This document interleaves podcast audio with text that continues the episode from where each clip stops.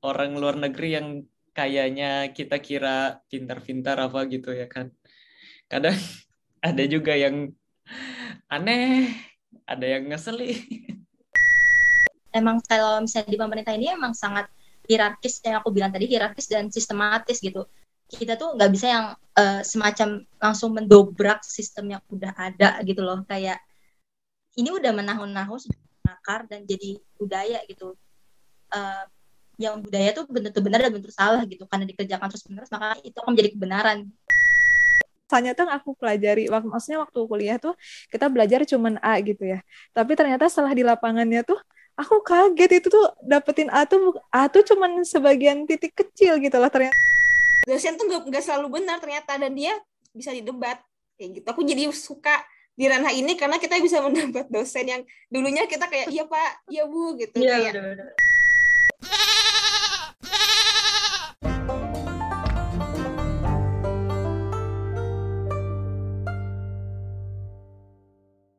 Hai. Selamat datang di laptop podcast. Kok jadi awkward ya aku ininya ya, introduction-nya ya? Ya karena nama teman sendiri sih soalnya. Jadi seperti biasa ada aku sama Konsa, Gina dan Konsa, tapi juga ada teman-teman yang lain, yaitu ada dua teman kami dari berbagai belahan dunia dan kota asik. Ada Biki sama ada Indah atau Iwe. Say hi dong. Halo teman-teman. Ini aku mau Konsa mau cerita dulu. Kita mau ngomongin apa nih Kon? Ya, jadi karena sebenarnya kita udah skip lama banget nggak bikin podcast baru lagi, mungkin karena beberapa urusan yang harus dikerjakan.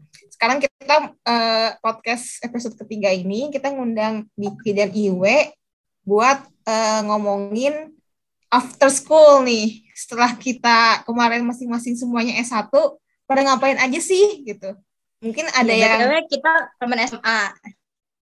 Oh iya, kita teman SMA lupa kenalin. Iya, belum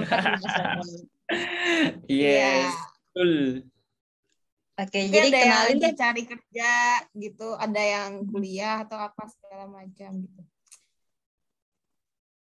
Gimana perkenalan deh kalian berdua dari Biki dulu. Siap. Halo teman-teman semua. Uh, kenalin, aku Biki. Dulu itu aku mantan ketua kelasnya distrik. kaget ya, sangat kaget strategis ya. Jadi wah aku senang deh bisa diundang sama podcastnya Gina dan Konsa. Wow, this is amazing guys. this is my first time in podcast.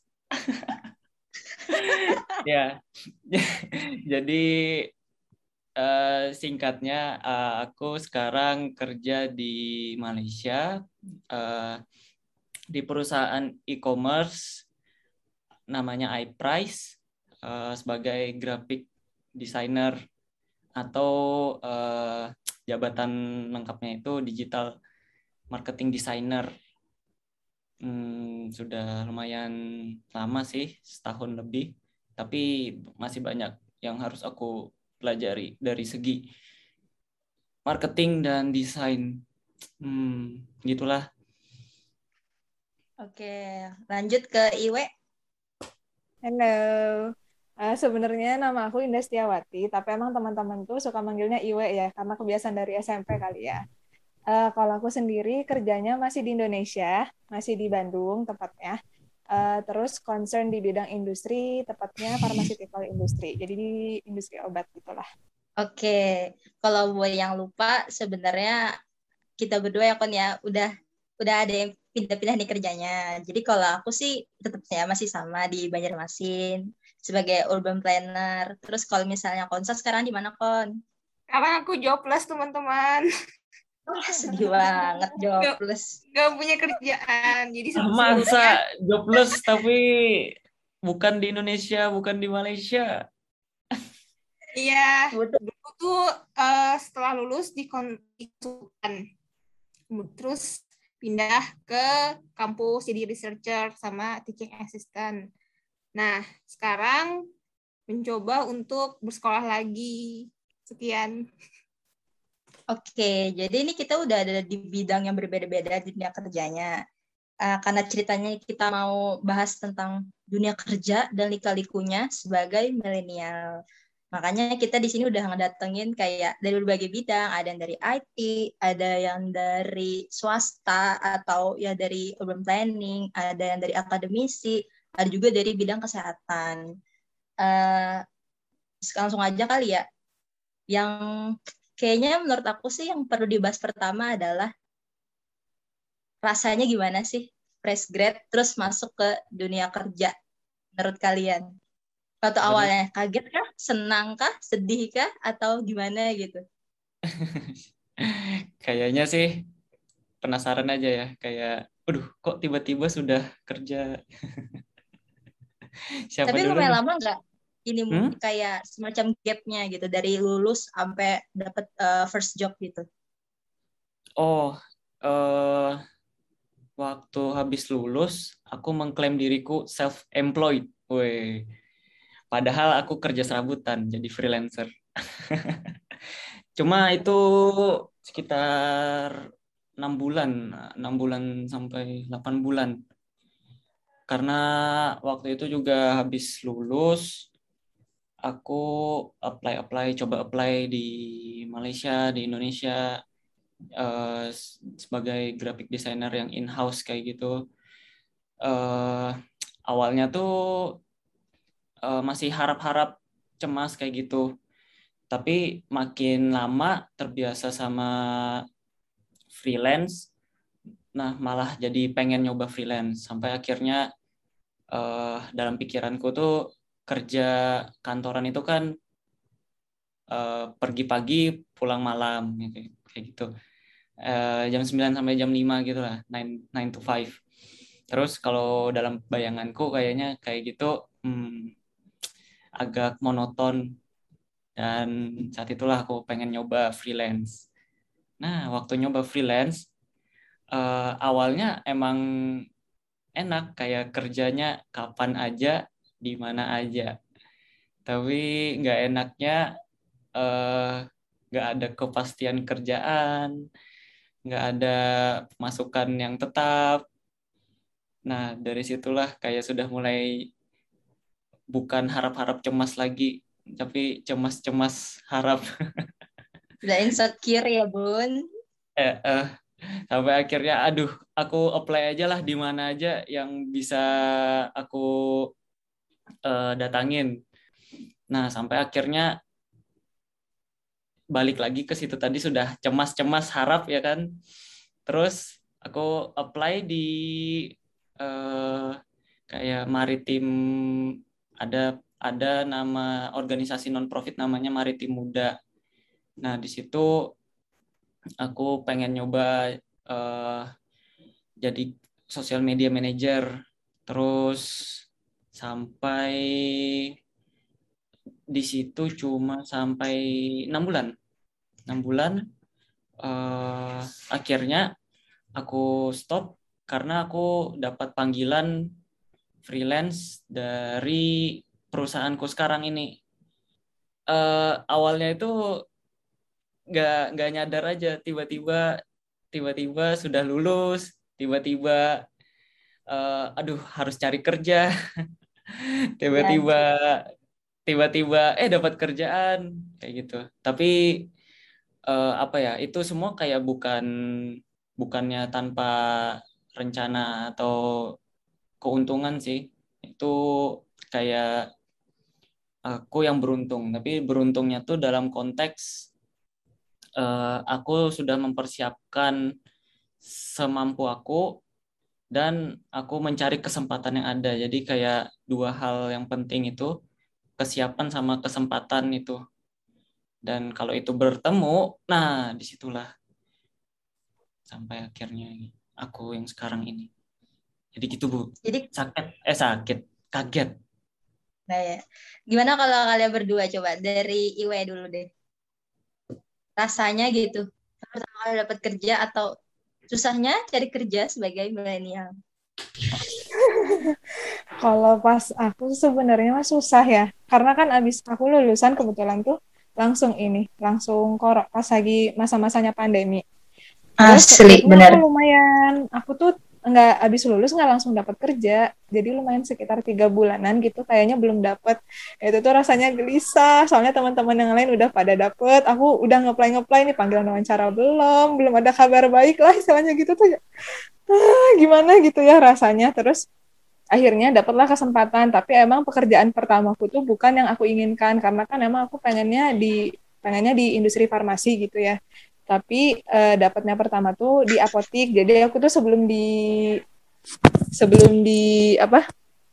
Sebelum di industri ini aku sempat di apotik untuk 3 sampai empat bulan kurang lebih. Ya ya rasanya gimana ya? Ya diterima aja gitu karena bukan dream job aku sebenarnya gitu kan. Tapi ya udahlah yeah. namanya kesempatan kan. Jadi nggak bisa disia-siakan. Eh tahu taunya nggak nggak tiga empat bulan aku di apotik dapat panggilan kerja di industri terus juga uh, apa ya ih bingung eh aku mau ngomong apa pokoknya tuh rasanya excited banget waktu udah tahu ah dapetnya kesempatan di industri ya udah akhirnya uh, tanpa pikir panjang aku akan ambil yang di industri daripada yang di apotik gitu ya. Jadi akhirnya aku ninggalin apotik terus aku masuk industri gitu. Iya sih. Tapi kalau dipikir-pikir ya lumayan mulus juga dalam artian kayak kamu tuh langsung dapet dream jobnya gitu dalam nggak butuh yang waktu yang super lama dua atau tiga tahun gitu udah langsung dapet dream job kamu sebenarnya udah kalau dibilang mulus ya sebagai orang yang di luar ya di luar dari kamu tuh kayak ngerasa mulus gitu padahal tapi pasti ya beda-beda kan orang gitu Ya, ya alhamdulillah sih sebenarnya, cuman ya masih belajar lah di menjadikan pekerjaanku yang sekarang tuh betul-betul yang aku senangi dan aku sukai gitu deh. Betul, betul, betul, betul. Kalau kamu gimana, Kon? Kayaknya aku yang paling B aja di jalannya. Nggak ada, alhamdulillah belum belum ke belum menerima obstacle karena sebenarnya pekerjaanku sangat linear dengan apa yang kukerjakan saat kuliah.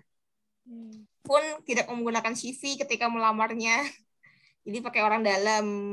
Iya, gitu. itu sih, itu privilege Terus ya udah, sebenarnya pekerjaan pertama dapatnya juga karena itu tempat aku kuliah prak, kuliah eh kerja praktik. Jadi pekerjaan pertama tuh bekas kerja praktik. Terus pindah ke jadi researcher itu juga uh, bekas dosen pembimbing aku. Jadi semuanya bekas-bekas. Tapi ada kamu sangat suka gitu kan? Iya, kalau bisa dibilang dream job, aku udah ketemu dream jobnya yang itu gitu. Kayak gitu. Wow. Aku kalau aku sih sendiri pribadi, instead aku aku mau cerita ini ya work experience-nya, aku tuh pengen lebih ini sih kayak mau empasisnya ke gila dari aku bukan aku ya misalnya kayak kita sebagai mahasiswa yang sangat idealis yang sangat uh, apa ya apa apa tuh kayak dan teorinya begini harus begini gitu terus hmm. Kagetnya pas di dunia kerja tuh kayak hilang aja gitu semua idealisme idealisme kita ya. Kita tuh kalau bekerja tuh harus A B C D E X gitu gitu kan. Terus pas di dunia kerja tuh nggak sesuai nggak seperti kayak gitu gitu. Kita harus pragmatis harus yang ya kalau bisa dari A ke langsung ke Z ya gitu aja gitu langsung Z-nya aja gitu. Ngapain lu harus mikirin A sampai Z-nya gitu. Gitu yang waktu zaman zaman fresh grade itu yang kita tuh kayak mental aku misalnya aku tuh mentalnya tuh digempur banget sama idealisme itu gitu. Yang harusnya seperti ini waktu kuliah kok di dunia kerja kok kayak gini ya orang-orangnya? Nah itu tuh yang uh, ngebuat kaget banget tuh jadi waktu aku masih fresh grad gitu di first job terutama. Wah sama-sama aku juga. Iya kok kamu gimana Bik? Kayak gitu Bik?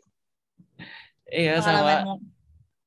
Uh, awal masuk itu awalnya aku aku kira uh, kan kayak ada tim desain kayak gitu ya kan untuk kerjaan yang kreatif-kreatif.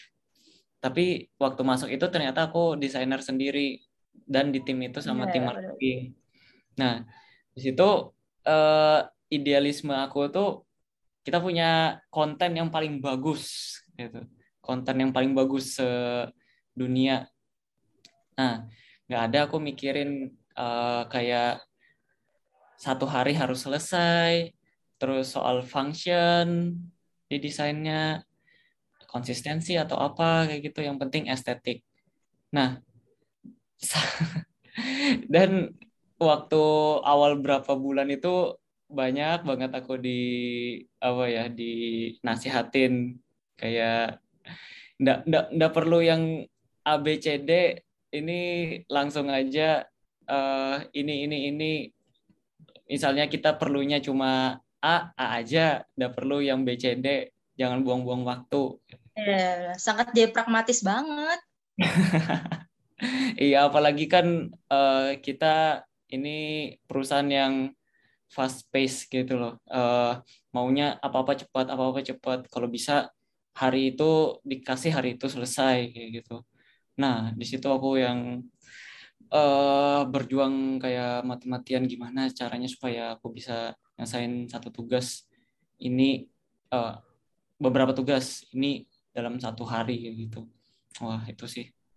Kayak... Terus kita kita bertiga nih kebetulan kan private company ya. Aku, Biki, sama Iwe kan private company. Nah, kalau misalnya dari akademis itu bakal pragmatis juga nggak sih? Atau ya udah sesuai teori aja gitu, tetap idealisme lah. Idealis banget.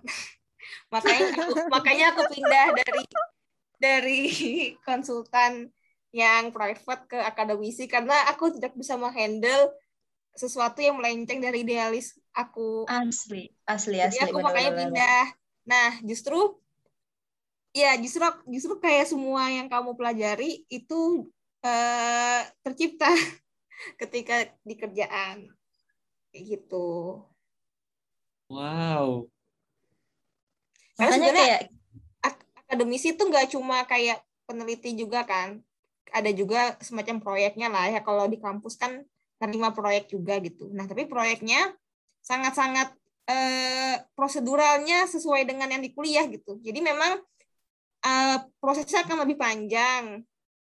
Tapi ya gitulah, jadi akan ada perbedaan gitu. Aku sih ngerasain sendiri ketika nerima proyek di konsultan sama di kampus beda banget ternyata. Kalau konsultan kan orientasinya ya udah dengan rentang waktu segini harus jadi nih mau kayak gimana prosesnya mau langsung loncat-loncat gitu. Sedangkan kalau kampus ketika dikasih waktu segini dan uh, dia berharap hasilnya, misal pemberi pekerjaannya pemerintah berharap hasilnya segitu dan nggak bisa diwujudkan dalam rentang waktu segini, ya udah di downgrade hasilnya. Akan dibilang oh cuma bisa segini nih kalau mau hasil segini kayak gitu. Waktunya waktunya jadinya tetap segitu cuma hasilnya akan dikurangin kayak gitu. Jadi sebenarnya sesuai aja sama yang diajarin di kampus. Kalau kamu we, ngerasain nggak pragmatisme itu di dunia private-mu sendiri, private company? Hmm, kalau di private company sebenarnya enggak sih, sama sama yang kita pelajarin, cuman pengaplikasiannya tuh menjadi lebih luas gitu. Apa rasanya tuh aku pelajari waktu maksudnya waktu kuliah tuh kita belajar cuman A gitu ya. Tapi ternyata setelah di lapangannya tuh aku kaget itu tuh dapetin A tuh A tuh cuman sebagian titik kecil gitu lah ternyata yeah. waktu di waktu ya ya praktis juga sih tapi maksud aku tetap kepake ilmu itu tapi pengaplikasiannya tuh jadi lebih jadi sangat-sangat luas bahkan makanya aku aja waktu pertama kali di industri ya tapi waktu di industri tuh kaget sebenarnya juga. Perasaannya tuh gini gitu ya kerja di industri dan ya jadi harus belajar banyak lagi sih jatuh iya sih kayak one thing for sure ya menurut aku. Kayaknya kalian juga ngerasain sih. Kita itu ngerasa udah paling bodoh dah di sedunia waktu kita pengen dapat job. Ya nggak sih? Aku sih ya kayak Gil ternyata aku tuh nggak tahu apa-apa. Ternyata aku tuh bodoh hmm. banget gitu bukan atau, bukan atau enggak ini kita berdua aja nih. Kayaknya bukan bukan bodoh sih apa ya kita cuma masih belum pede ya kan?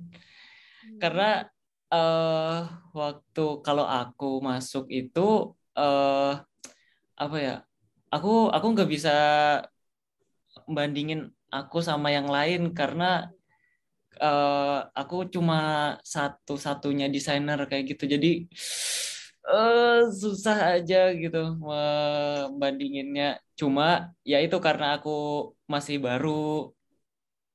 Jadi uh, bukan masalah bodoh kayaknya. Tapi mungkin ya kita harus harus banyak belajar karena masih banyak ruang untuk uh, improve bagi kita ya kan kalau menurut aku tuh kalau misalnya kayak fresh grade gitu ya orang-orang yang baru masuk gitu dari dunia kerja tuh hal yang paling utama tuh sebenarnya malah environment gitu bukan bukan ilmu yang pertama environmentnya dulu sih menurut aku yang pertama kayak nih mereka ini bisa ngasih pelajaran gak sih ke kita gitu mereka tuh bakal nge-support kita gak sih kalau kita salah kalau kita bener gitu gitunya loh menurut aku sih hmm. bener bener bener Iwe senyum-senyum nih. Setuju, setuju.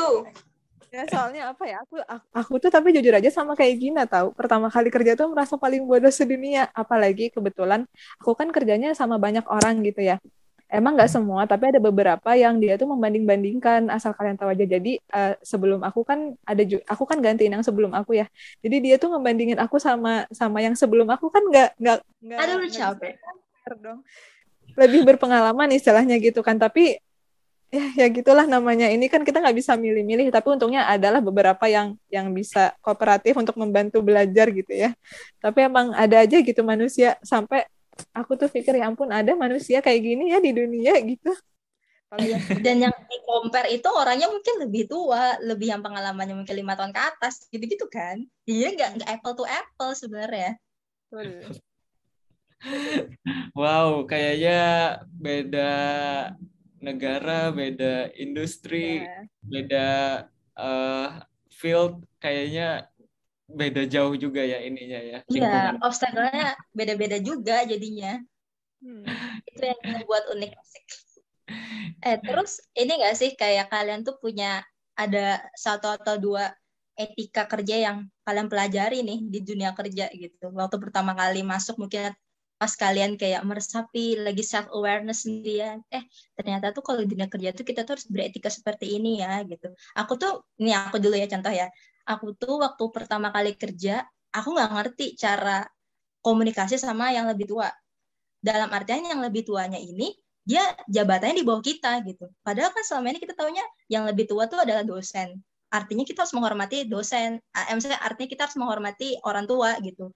Nah ketika ada orang tua yang jabatannya di bawah kita atau mungkin setara sama kita, kita harus menganggap dia tuh ternyata adalah orang yang setara sama kita gitu. Ini di luar dari yang sopanan ya gitu. Tapi secara pekerjaan kita setara atau mungkin di bawah dan itu tuh kayak perlakuannya tuh berbeda dan itu yang kayak ngebuat aku tuh belajar etika baru sebenarnya di dunia kerja itu yang kaget karena sama dosen tuh kayak tegang banget rasanya yang harus sopan yang harus eh lu kalau misalnya ke sama dosen terus senyum gitu harus yang uh, ngomongnya baik-baik gitu-gitu. Nah ketika yang di dunia kerja tuh nggak gitu gitu. Misalnya kayak driver atau misalnya sama OB yang lebih tua terus kita kayak uh, bukan bukan nanti nggak boleh sopanin ya maksudnya berbeda gitu lah cara ini memandangnya dan juga cara uh, bekerja samanya koordinasinya seperti apa juga beda gitu. Itu yang aku pelajari sih. Kalau kalian gimana tercengang. ya, karena apa sih yang kalian pelajari baru di dunia kerja gitu? Uh, di sini ya karena culture-nya itu uh, multi company. Kalau di tempatku uh, kita boleh disagree, tapi harus tetap respect kayak gitu. Uh, jadi kalau misalnya uh, walaupun aku nih masih junior ya kan, tapi kayaknya aku punya pandangan yang bagus nih Nah, uh, misalnya waktu dalam meeting itu aku pengen nyampain apa gitu, uh, aku boleh bilang kayak saya kurang setuju sama ini kan kayak gitu. Uh, kenapa? Aku kasih tahu aja kayak gitu. Nah, uh, kadang kalau misalnya uh, aku rasa kadang tuh memang kadang tuh kalau misalnya kita nggak setuju bisa jadi kita nggak respect ya kan? Nah tapi di tempat aku nih nggak. Jadi kita uh, memang harus respect sama orang sama semua orang apalagi yang lebih tua. Tapi bukan berarti nggak boleh nggak setuju. Tapi uh, di sini tuh kami manggil nama aja kayak oke okay, sudah. Nggak nggak perlu uh, apa ya Mister siapa atau Ya karena di sana multikultural juga sih. Jadi nggak ya Hmm. cuma orang Indonesia gitu atau nggak orang cuma Asia. Nggak cuma orang Asia jadi ya itu mereka memang minta dipanggil nama aja nggak usah pakai Mr. Mrs. Miss karena eh, yang kayak gitu tuh artinya tuh kayak kita eh, masih belum kenal kayak gitu kalau di awal-awal bukannya perks of being in a private company gitu. Kita bisa menyampaikan pendapat, kita bisa uh, kayak ya disagree dan agree gitu. Beda kan kalau misalnya kayak pemerintah gitu kan sangat hierarkis dan sistematis gitu. Makanya kalau untuk penyampaian pendapat mungkin nggak nggak bakal bisa gitu. Nah kalau kalian berdua kan sama Iwe ada etika-etika tertentu juga nggak yang baru kalian pelajari gitu. Aku ada. Bangsa. Jadi tuh kalau misalnya nih kan tadi Gina bilang kalau di kampus kita kayak eh nurut sama dosen. Dosen bilang A, Iya. oh berarti yang benar itu A gitu. Kita selalu Iya. berpikir gitu kan.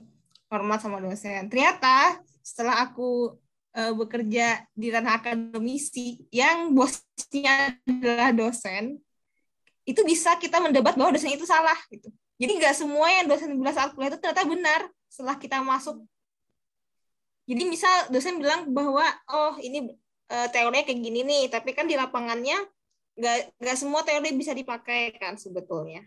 Kita bisa bilang kalau itu salah dan it's okay gitu. Dosen tuh nggak nggak selalu benar ternyata dan dia bisa didebat kayak gitu. Aku jadi suka di ranah ini karena kita bisa mendebat dosen yang dulunya kita kayak iya pak, iya bu gitu Iya kayak benar-benar. eh, nilai kita digantungkan oleh judgement dia padahal ternyata enggak loh nggak semua yang dia bilang tuh benar gitu. Jadi aku merasa lebih wah ternyata kalau aja aku tahu dari dulu di, waktu masih kuliah bahwa sebenarnya dosen tuh bisa aja didebat. Karena kita mungkin etikanya SMA dulu guru itu benar gitu. Padahal kayaknya nggak juga sih. Sebenarnya kita masih bisa aja mencari celah untuk berargumen gitu. Kayak gitu. Iya benar. Kamu Wek, gimana Wek?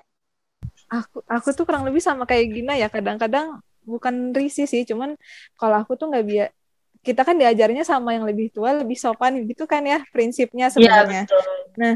tapi ternyata di tempat kita bekerja tuh beda jadi aku pertama kali datang tuh kaget soalnya dipanggil ibu sama yang lebih tua jadi Nah, iya benar. Aku dipanggil Mbak juga, padahal lebih tua. Iya benar. Eh, eh, sama. Nah, di tempat aku kerja sekarang itu juga sama. Jadi istilahnya kalau misalnya jabatannya lebih tinggi itu akan dipanggil ibu atau ibu atau bapak gitu. Nah, sedangkan yang yang di bawah-bawahnya tuh biasanya manggilnya teteh atau AA gitu kan. Sama kayak kemarin tuh kan kita punya admin. Admin aku tuh kebetulan secara usia emang lebih tua dan dia lebih lama kan di di situ. Terus kan aku manggilnya ibu ya karena lebih tua sebenarnya ya lebih tua gitu kan dan dan rasanya lebih nyaman gitu manggil ibu sama namanya siapa gitu misalnya terus tapi kata kata kata teh, tetehnya tuh ih jangan manggil ibu teteh aja katanya gitu. Kan aku waktu pertama kali kaget ya. Kan udah udah berumur gitu udah punya anak juga tapi dipanggil teteh gitu kan. Rasanya aneh kan. Ya kan biasanya kalau teteh mah kakak ya kalau Iya. panggilan buat kakak ya kan? Terus akhirnya setelah aku pelajari ternyata emang gitu. Jadi eh, mereka bu- bukan secara hierarki itu berada di bawah kita tuh emang manggilnya kalau ke atas ibu. Sama kayak aku pun juga manggil atasan aku tuh manggilnya ibu. Dan kita nggak kalau kita tuh nggak berani manggil nama bi. Rasanya tuh nggak sopan kalau di tempat aku. Iya, ya misalnya di Indonesia sih sebenarnya kayaknya. oh iya sih. Heeh, Tempatnya nggak sih. Heeh, jadi tapi kadang-kadang aku yang risih kalau dipanggil ibu sama yang lebih tua rasanya tuh "Ah, panggil Indah aja teh aku bilang gitu ini nggak enak Bu Indah katanya Ya, tapi ya ya udah langsung semakin ke sini tuh akhirnya udah semakin terbiasa sih dipanggil ibu ya mau nggak mau ya soalnya udah Iya. udah culture-nya di tempat kita tuh gitu Oh. Dan yang kayak gitu itu kayak nggak ada nggak ada pelajarannya nggak sih kayak ya udah ketemu sendiri nih formulanya gitu cari tahu sendiri. Jadi kayak pas kita sadar-sadar nih kita resapin oh kayak gini ya kul- kulturnya gitu dan itu tuh ya nggak ada mungkin nggak ada di SOP perusahaan untuk menceritakan itu gitu. Wah, kayaknya aku juga baru tahu culture yang Kamu itu. kayak self awareness deh Mik. Eh, aku aku kira yang kayak gitu tuh cuma ada di sinetron kayak gitu. eh, kalau misalnya ibu ya. Mm-mm. kan aneh ya sebenarnya kalau aku mah soalnya kebiasa soalnya ya itu ya kita tuh ditanamin manggilnya ke yang lebih tua lebih sopan panggil ibu apa Hmm. bapak gitu kan yang lebih Hmm. tua ke kita pun panggilannya eh mbak apa gitu yang yang beda lah gitu pokoknya aneh rasanya sih awal-awal ya mau nggak mau tapi Tapi terbiasa sudah. hmm, sejauh ini ya Oke, jadi kalau dari kalian ada lagi nggak ini yang mau kayak kayak kalian tanyain gitu buat dibahas bareng-bareng? aku aku mau tanya Hmm. Eh, hal apa hal baru apa sih yang kalian pelajarin setelah bekerja selain tadi ya kita dapat etika-etika baru yang nggak kita pelajarin misalnya nih misalnya kayak aku aku waktu pertama kali bekerja tuh aku jadi belajar membaca sifat-sifat orang dan gimana cara ngadepinnya Itu aku mau ngomong itu. Ternyata ternyata Kita setelah sama deh. Ada ya ada, aku ada juga. Ya lanjut ternyata lanjut. setelah setelah kita bekerja tuh sifat orang tuh bukan cuma ABC selama ini tuh dan ada banyak dan dari itu tuh aku mempelajari gimana cara ngadepinnya karena kan nggak bisa juga ya kita ngadepin eh, maksudnya iya iya aja terhadap orang yang orang orang yang mungkin kita nggak suka tapi minta tolong. Misalnya nih kayak kayak aku punya partner dan dia tuh lebih senior gitu ya. Dia minta aku untuk kamu gini gini gini ya. Padahal kita tuh udah punya job desk masing-masing gitu tapi terkadang dia melimpahkan pekerjaannya tuh kepada aku mentang-mentang aku seniornya misalnya gitu buruk-buruknya.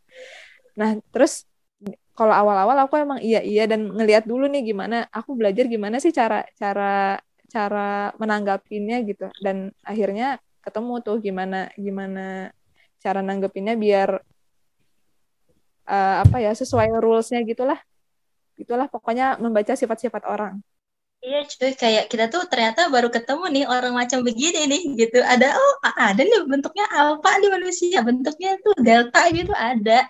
Dan menurut aku tuh selalu bilang gitu kayak ya Allah ketemu aja nih orang-orang unik. Oh sih bilang gitu deh kalau misalnya dalam hati gitu lagi dongkol sama seseorang ah unik banget nih orang gitu. Oh, iya, aku juga bahkan di luar negeri apa orang orang luar negeri yang kayaknya kita kira pintar-pintar apa gitu ya kan. Kadang ada juga yang aneh, ada yang ngeselin. Iya, kayak bahasa cocok tuh unik gak sih? Unik. Iya, memang memang satu dunia ini manusia isinya macam-macam. Aku ada Apaan tuh? Apa? aku eh, setelah bekerja belajar bahwa kita nggak boleh baperan ketika dikritik tentang pekerjaannya ya karena karena wah aku pertama kali dapat kritikan tuh kayak uring-uringan aduh males langsung kayak males ngerjain padahal mungkin karena kita saat kuliah tuh terbiasa untuk eh, one way work gitu jadi kayak kita punya tugas kumpulin dapat nilai udah gitu Padahal di pekerjaan kan itu sistemnya iterasi ya. Kita dapat pekerja, kita ngerjain sesuatu, dapat feedback dari atasan, kita kerjain lagi, feedback lagi sampai kerjanya benar. Nah itu yang menurut aku eh, nggak tersistem di eh, pas kita kuliah S1 gitu. Iterasinya itu nggak nggak terbiasa.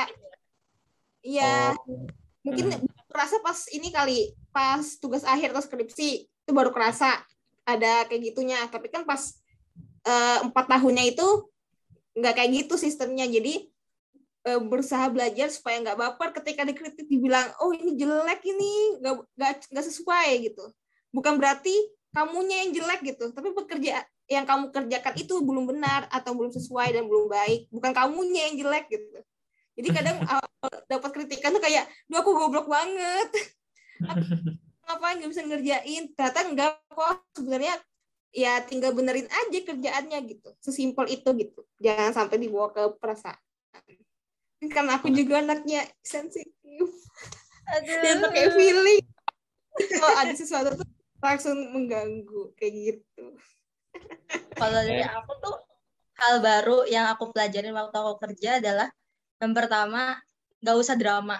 Itu yang paling penting kayak aku tuh da- dalam otakku tuh kayak kamu tuh you have to stay away from drama gitu. Kamu tuh hidupnya udah drama, nggak usah ditambahin drama kantor gitu. Dalam artian kayak drama-drama yang entah itu menyangkut pekerjaan atau menyangkut pribadi atau menyangkut karakter seseorang tuh you have to stay away from the drama itself gitu. Jadi kalau misalnya sekarang ini aku tuh kayak lebih ke udah kita masing-masing aja hidupnya. Aku nggak perlu tahu kamu bentuknya gimana, kamu di rumah seperti apa, kamu yang uh, bekerjanya ada seabrek ABCD.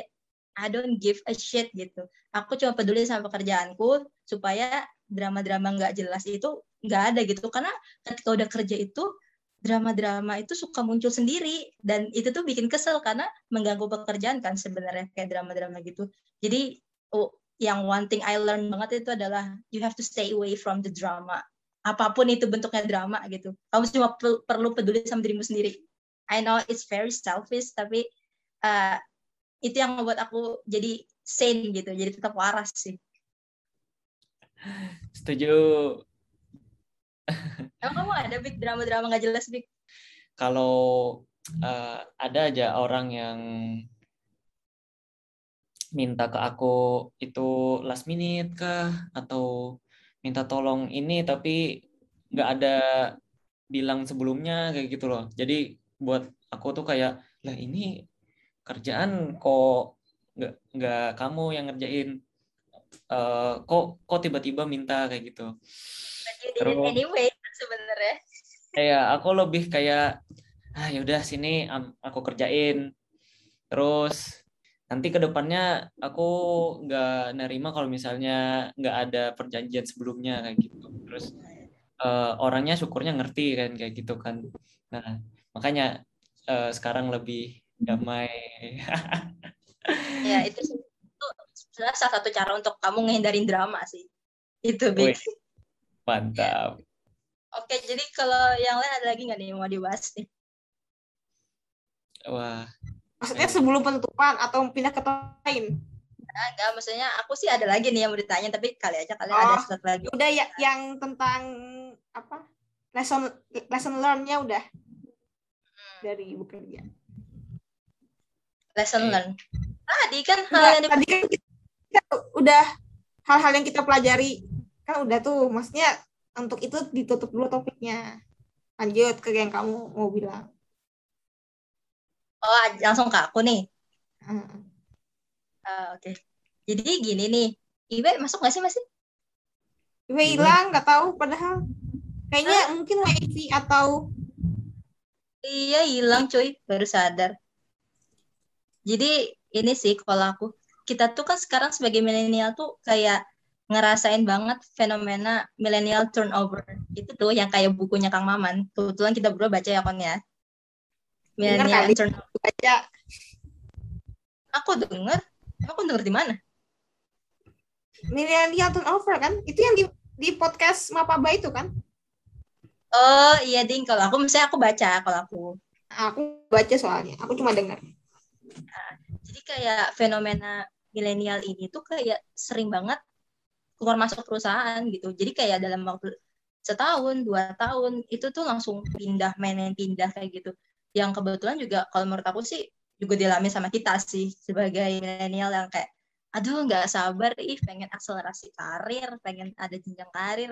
Terus kayak pengen pindah aja kerjaan. Biasanya kayak suka nggak kuat aja gitu pengen cepet-cepet pindah. Dan ini aku langsung dari aku ya. Kalau menurut aku sih fenomena-fenomena yang turnover itu tuh karena dunia itu kan sekarang cepat banget berubahnya. Kayak dalam kurun waktu setahun dua tahun itu banyak banget perubahannya gitu. Dalam teknologi terutama. Jadi yang ngebuat harus uh, yang ngebuat kita tuh harus juga ikut adaptasi yang ngebuat kita tuh harus uh, cepet cepet juga cepet lincahnya. Jadi yang itu sih yang ngebuat kita tuh suka cepet resign cepet uh, pindah kerjaan kayak gitu gitu nah kalau dari kalian tuh gimana tuh soal uh, fenomena ya resign cepat gitu buat kita semua ini anak muda? Aku pernah dibilang CEO-nya teman aku, uh, dia malah suka uh, ini uh, orang yang sudah kerja pengalamannya tuh di satu perusahaan tuh tiga tahunan lebih daripada yang setahun dua tahun kayak gitu kan. Nah dari situ aku juga mikir kayak iya kenapa lah? Orang-orang cuma demi naik gaji ya kan?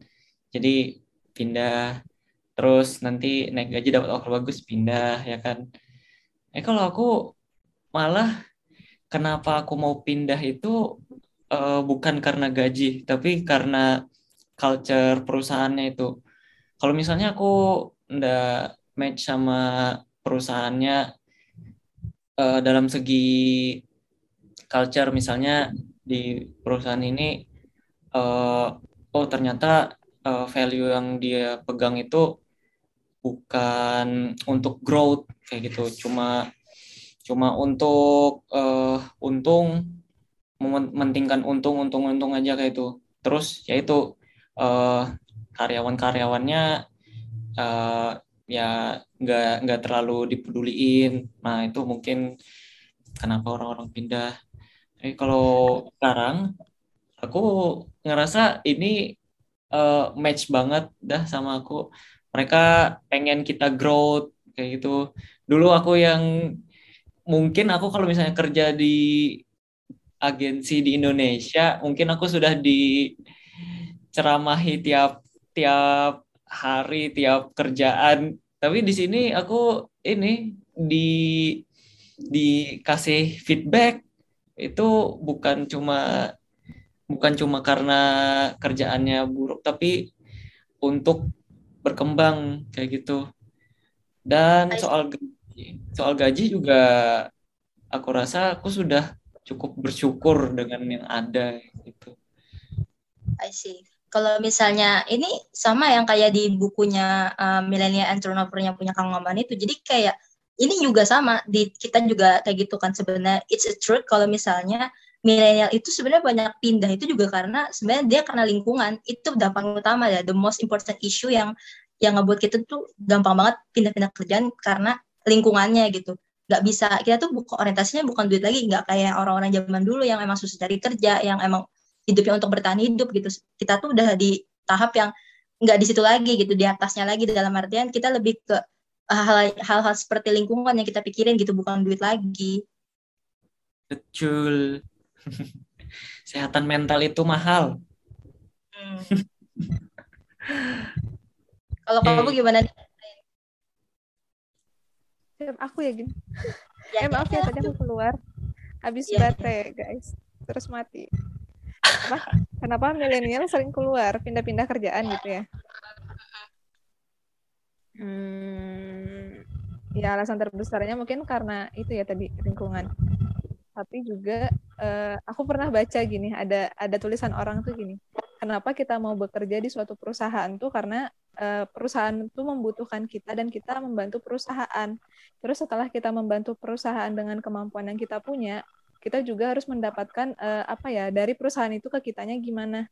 Tapi saat uh, saat perusahaan itu tidak bisa memberikan apa yang kita apa yang kita butuhkan uh, kita tinggal milih aja gitu mau tetap bertahan untuk perusahaan ini atau kita membantu perusahaan yang lain. Jadi makanya kebanyakan orang-orang tuh lebih cepat resign karena tadi apa yang kita istilahnya tuh kita udah capek-capek gitu tapi udah capek udah capek-capek kerja keras buat perusahaan tapi ternyata feedback dari perusahaannya tuh nggak baik. Makanya lebih baik ya udahlah kerja di tempat lain aja gitu pikirnya.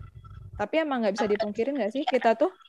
Mm tapi kita kan nggak bisa kalau kerja tuh milih-milih milih-milih lingkungan kita pengen yang gimana gimana gitu kan. Pasti tahunya tuh nanti baru udah terjun gitu.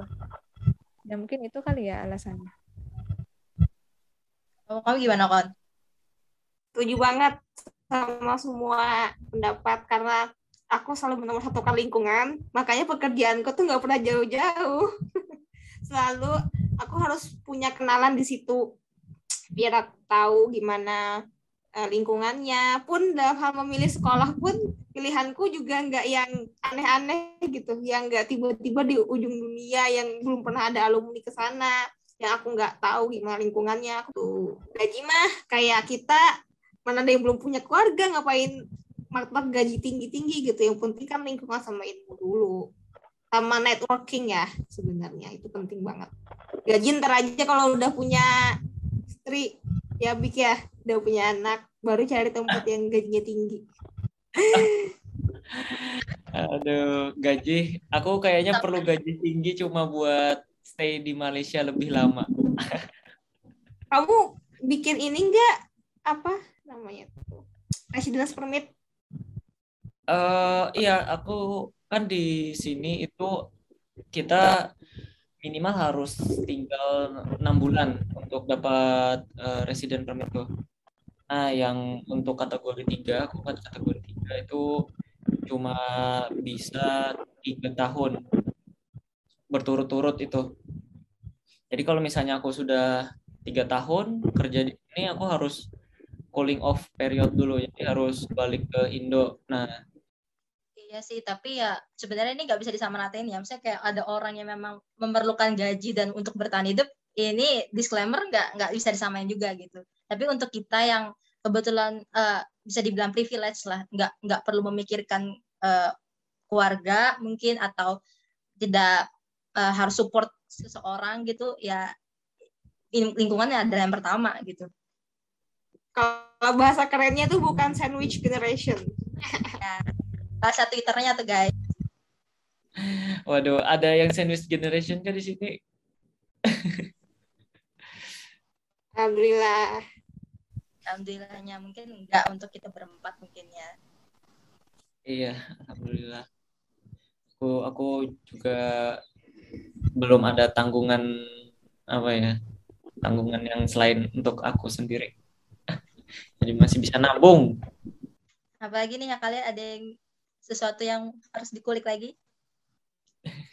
career goals Oh my god.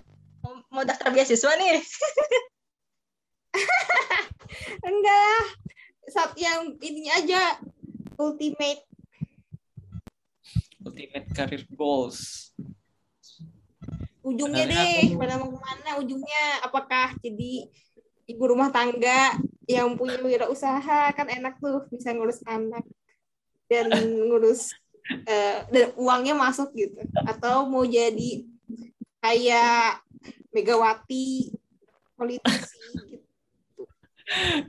Wow. Silakan Wow. satu dari absen B B. Lah. Ah, jadi sebagai penutup juga career goals eh, sebenarnya and how to, how to achieve it ya beasiswa Bu. aduh. Gak apa dikit-dikit aja how to achieve-nya udah sampai mana gitu Ah, ah, ah, ah, career goals aku ya. Eh, sebenarnya dari aku kan kalian tahu aku dari SMA bikin bikin video ya kan. Aduh, aku jadi mengingat sesuatu yang seharusnya aku tidak ucapkan. Iya. Ups, ups. Oke, eh, lupakan itu. Nah, sebenarnya aku pengen ini cuy, kerja di production house buat buat iklan kah atau video kayak gitu. Nah, itu kan tapi production house yang mana production house yang bagus kalau kamu punya kenalan. Nah, kayak gimana supaya punya kenalan yang bagus? Ya kamu harus punya karya yang bagus juga ya kan. Nah, gimana caranya punya karya yang bagus? Kamu harus punya skill dan equipment yang bagus. Nah, eh, sekarang aku ini mungkin secara eh, equipment eh, sudah menengah lah. Eh, harus belajar skill-skill yang baru di bidang desain itu, terutama video editing. Ya, tapi karena sekarang aku di perusahaan eh, e-commerce yang notabene-nya itu in-house, in-house production. Jadi sekarang kayaknya aku harus memutar dulu. Eh, aku harus bergelut di bidang graphic design dulu, kumpulkan modal. Bisalah aku ke career goalsku kayak gitu. Oke. Lanjut ya. Eh, sebenarnya don't wanna be too specific kayak nyebutin eh, certain career gitu. Cuman eh, secara umum aku tuh udah udah ada gambaran sih maksudnya yang pasti aku tuh pengen jadi impactful, Wede, impactful to the uh, environment and society gitu. Jadi kalau dibilang agak-agak naif, mungkin atau misalnya dianggap agak-agak uh, klise gitu. Ya jujur aku pengen kayak ngebantu perkembangan Indonesia gitu lah asik. I, I know it's cliche gitu, tapi uh, intention aku tuh itu gitu sebenarnya pure intention aku itu gitu. Jadi uh, lebih pengen ke impactful gitu, terus masuk ke langsung gitu loh ke uh, take bahasanya gitu, take action langsung ke hal-hal yang aku concern gitu. Jadi uh, mungkin suatu saat nanti suatu saat nanti mungkin aku nggak di private lagi. Mungkin lebih ke dari anak kapitalis ke sosialis gitu mungkin. Wede. Gitu. Mantap. Indah. Oke. Okay. Hmm, kalau aku juga sebenarnya pengennya apa ya? Karir goalsnya tuh aku juga nggak mau nyebutin secara spesifik pengennya jadi apa cuman nantinya ke depannya aku tuh pengen banget nge-share apa yang ada aku punya. Ya ngomongnya kayak dosen dong ya berarti. Bukan dosen sih tapi influencer. enggak enggak. Atau enggak. ini speaker. Speaker ya pokoknya aku tuh pengen nyampein apa yang udah aku punya ilmu yang aku punya sama realnya di lapangan itu gimana gitu ke depannya sama uh, orang-orang yang uh, susah ngomongnya. Pokoknya aku pengen pengen nyampaikan mungkin kayak dosen praktisi kali ya jatuhnya tuh. Jadi aku tuh punya punya sebelum waktu aku kuliah tuh soalnya ada dosen praktisi yang aku jadiin apa ya kayak role model gitu. Jadi beliau tuh uh, kerja di industri juga, tapi dia juga ngajar gitu sebagai dosen praktisi dan itu tuh membuka wawasan aku tentang farmasi, eh tentang industri farmasi gitu. Dan aku juga pengen nantinya aku bisa nyampein apa yang aku punya dan lapa, di lapangannya tuh gimana ke uh, ke teman-teman gitulah. Jadi biar mereka lebih paham dan lebih tahu ya, dunia farmasi itu gimana sebenarnya. Sebenarnya sih kayak gitu aja. Terakhir. Aku langsung spesifik kayak aku pengen jadi penulis. Entah entah scientific writer atau apa mungkin sesuatu. Aku aku suka membaca tulisan orang. Jadi aku pengen tulisan aku bisa diterima baik sama orang dan berguna. Gitu. makanya sekarang kenapa sekolah lagi? Belajar nulis. Oh tapi sebagai set gitu loh. Karena I'm, apa? Bad at, aku tuh pengen jadi penulis juga tapi sebagai set job gitu. Karena I'm bad at speaking jadi aku kayak lebih lebih kayak lebih bisa menuangkan apa isi pikiranku tuh lewat tulisan gitu. Jadi kayak aduh pengen suatu saat nanti jadi writer mungkin tapi sebagai set job. Apakah penulis itu juga bisa eh, apakah itu juga termasuk kayak nulis novel kon science fiction. Bisa aja mungkin kalau tiba-tiba aku punya kemampuan itu gitu. Keren keren keren. Waduh. Kebalikannya aku nih. Aku paling menghindari menulis. Aku tipe yang visual dan audio kayak gitu. Nulis nulis itu apa ya? Bagiku kayak melihat ini bahasa komputer. Ini ada nih terakhir ya dari aku ya pertanyaan. Kita kan semuanya berempat ini kan nggak ada yang di pemerintah nih, nggak ada yang kerja di government. Uh, someday in the future mungkin kalian bisa ngeliat diri kalian nggak di pemerintahan? Uh, bisa. Aku sebenarnya mau-mau aja tapi sistem pemerintahan kita tuh udah kayak bobrok kayak gimana ya? Kalau misalnya dulu aku kan mau jadi bukan mau jadi sih disuruh masuk jadi polisi. Nah tapi aku ndak mau. Karena uh, takut di polisi itu aku ndak bisa ngasih ide ke atasan. Atasan harus atasan tuh sudah bilang A harus A. Uh, terus juga uh, terkekang di situ. Nah, kalau aku orang yang bebas, aku orang yang kalau kalau ngelihat sesuatu terus ada yang bisa kita kembangkan, kita bisa tingkatkan. Nah, aku pengen yang kayak gitu. Tapi kayaknya kalau misalnya di pemerintahan itu bukan itu nggak bisa dari bawah ke atas, atas ke bawah itu cuma atas ke bawah gitu loh. Jadi kamu Benar. freeze gitu ya, ya. Hmm. Tapi aku masih ada har apa berharap kalau misalnya bisa ya, tapi sekarang kayaknya ah Indonesia tidak baik-baik saja. Aduh. Simpulnya kayak untuk sekarang belum kepikiran gitu ya. Nggak tahu nanti gitu. Hmm, betul. Kalian gimana nih? Mana guys? Udah bilang iya kan tadi bisa. Ini tinggal Iwe nih. Wait, wait. Oh aku ya bisa kalau aku mah tergantung pribadinya mau apa enggak. Udah itu aja. Kamu kamu mau enggak? Numpuk Untuk sekarang memilih, memilih gitu. Pemerintah ini maksudnya PNS kan? Eh, ikut be many ways sebenarnya. Pemerintah bisa jadinya kayak dari polisi bisa jadi eh, ASN bisa tentara apa segala macam. Oh, maksudnya yang terikat dengan pemerintah kan berarti. ya bekerja you work for government gitu. Ya I- I- I'm not gonna say uh, whether it's good or bad tapi emang uh, aku cuma uh, emang kalau misalnya di pemerintah ini emang sangat hierarkis yang aku bilang tadi hierarkis dan sistematis gitu. Kita tuh nggak bisa yang uh, semacam langsung mendobrak sistem yang udah ada gitu loh. Kayak ini udah menahun-nahun nakar dan jadi budaya gitu. Uh, yang budaya tuh bentuk benar dan bentuk salah gitu. Karena dikerjakan terus menerus maka itu akan menjadi kebenaran gitu loh.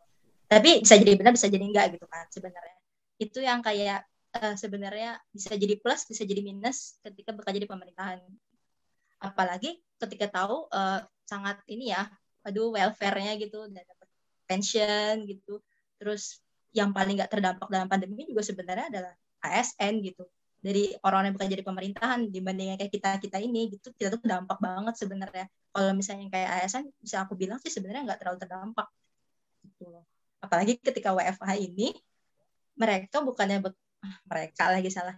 Eh, maksudnya ada oknum-oknum yang malah nggak bekerja WFH tapi malah liburan gitu. Jadi itu tuh bukan WFH tapi itu adalah libur. Mereka sedang libur gitu. Dan aku ngerasain banget sebagai orang yang punya klien pemerintah itu itu yang jadi problem aku gitu. Mereka bukannya WFH adalah untuk bekerja malah untuk liburan. Jadi sebagai eh, alasan lah. Itu yang eh, salah satu plus minusnya gitu pro dan kontranya di pemerintah.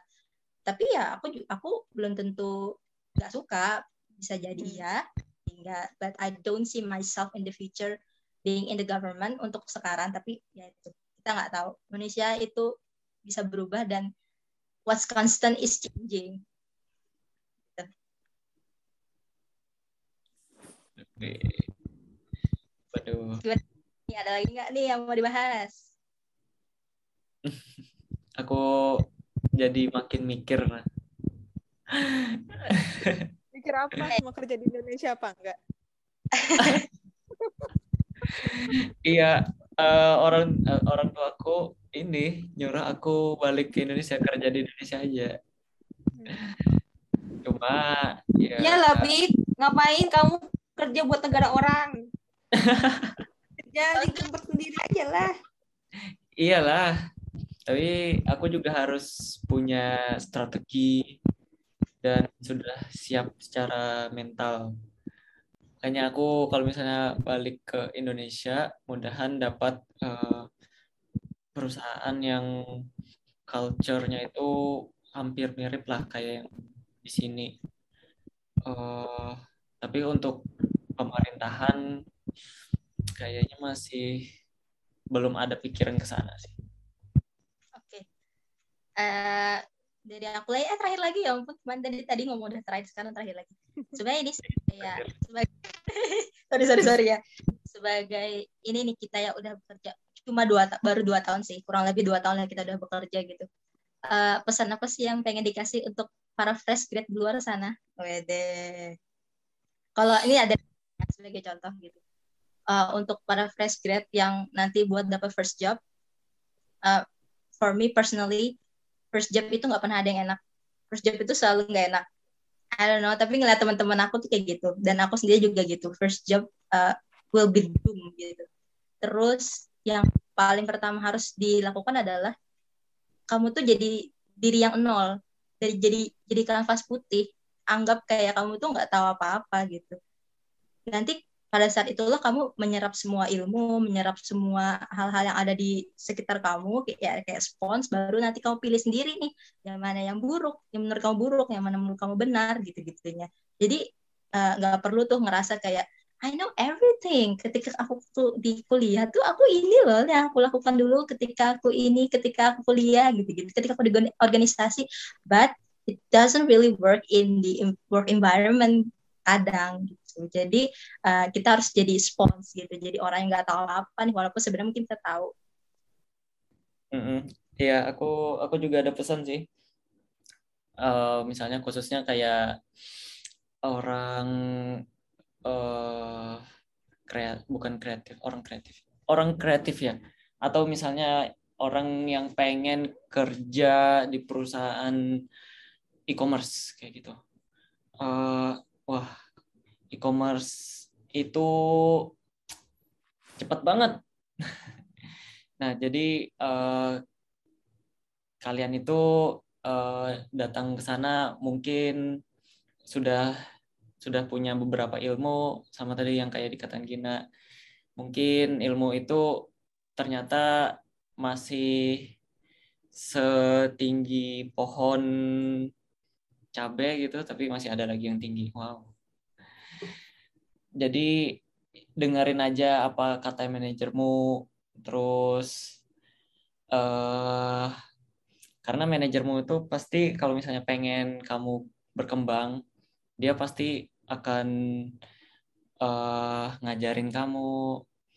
Terus juga dia pasti akan ngelindungin kamu. Kayak seorang ibu lah. Tapi uh, yep. Okay. Words from you guys? Aku aku. Kalau aku pengen bilang buat buat eh, para fresh graduate tapi buat reminder aku juga selalu take responsibility untuk apa pun yang udah kalian pilih. Uh, apa ya? Ya udah tanggung jawab nggak usah menye-menye yang ah menyesal nih gini-gini milih-milih apa udah milih ini udah milih itu udah tanggung jawab sudah eh, tanggung jawab terhadap apa yang udah kita pilih dan jadi pribadi yang solutif gitu.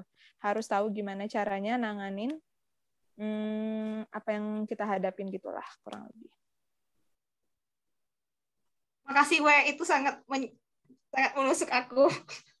Karena aku dua aku kali di sana aku ninggalin kerjaan buat orang. Dasar jahat. Wow. Dari aku.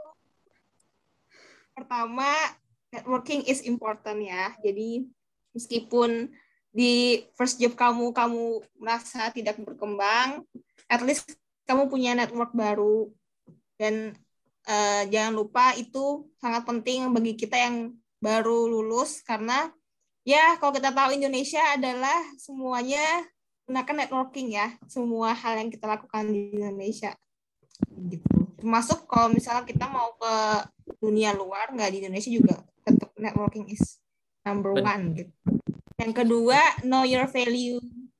Jadi ya gimana ya? Mungkin kita sebagai fresh grad suka mendowngrade diri sendiri ya. Terus kayak ya bersedia disuruh ABCD, kemudian bersedia digaji digaji misal yang ya tidak sesuai dengan kerjaan kita gitu. Menurut aku kita mungkin ini juga karena pikiran milenial ya gak, boleh asal kayak ya udah terima-terima aja. Misalnya disuruh rekan kerja nyuruh A kita ngerjain A gitu. Padahal itu bukan job desk kita gitu. Menurut aku kita harus tetap punya pendirian bahwa oh eh, kita dengan eh, gelar S1 dan ilmu kayak gini ya kita harus tahu kita worth it-nya tuh ngerjain apa gitu. Meskipun itu first job ya menurut aku kita tetap harus pilih-pilih untuk pekerjaan. Jangan sampai karena karena ya kita belum dapat pekerjaan terus kita tiba-tiba nyebrang ke kerjaan mana yang benar-benar bikin kita tersiksa gitu. Menurut aku tetap harus tahu. kerjaan pertama tuh meskipun meskipun kayak ya itu pasti jelek harus tetap sesuai dengan pathnya ya. Kalian mau jadi apa ke depannya harus tetap sesuai kayak gitu. Dari aku. Oke deh guys. Terima kasih banyak sangat insightful untuk orang-orang yang ya ampun baru dua tahun sih tapi kalau kita udah punya self awareness pasti banyak banget sih yang bisa dipelajarin. Ya itu yang kita omongin ini banyak banget ininya pelajarannya lesson learn-nya gitu. Terima kasih banget untuk dua tamu ini Vicky dan Iwe. Asik. Udah padahal ya, tapi aku juga mau kasih loh soalnya dari kalian juga aku banyak belajar. Jadi oh ternyata gitu ya. Thank you guys. Wow gak gak kerasa ya. Dua tahun. ya dan mungkin kayak sejam lebih jadi mungkin bakal banyak editan jadi mohon maaf ya. Jadi kayak mungkin sekitar aku pendek-pendekin dikit gitu. Tapi ya insya Allah masih dalam fat yang benar dan masih tujuannya yang sama gitulah gitu yeah. guys. Mungkin Siap. ya kita tutup dulu recordingnya. Dadah assalamualaikum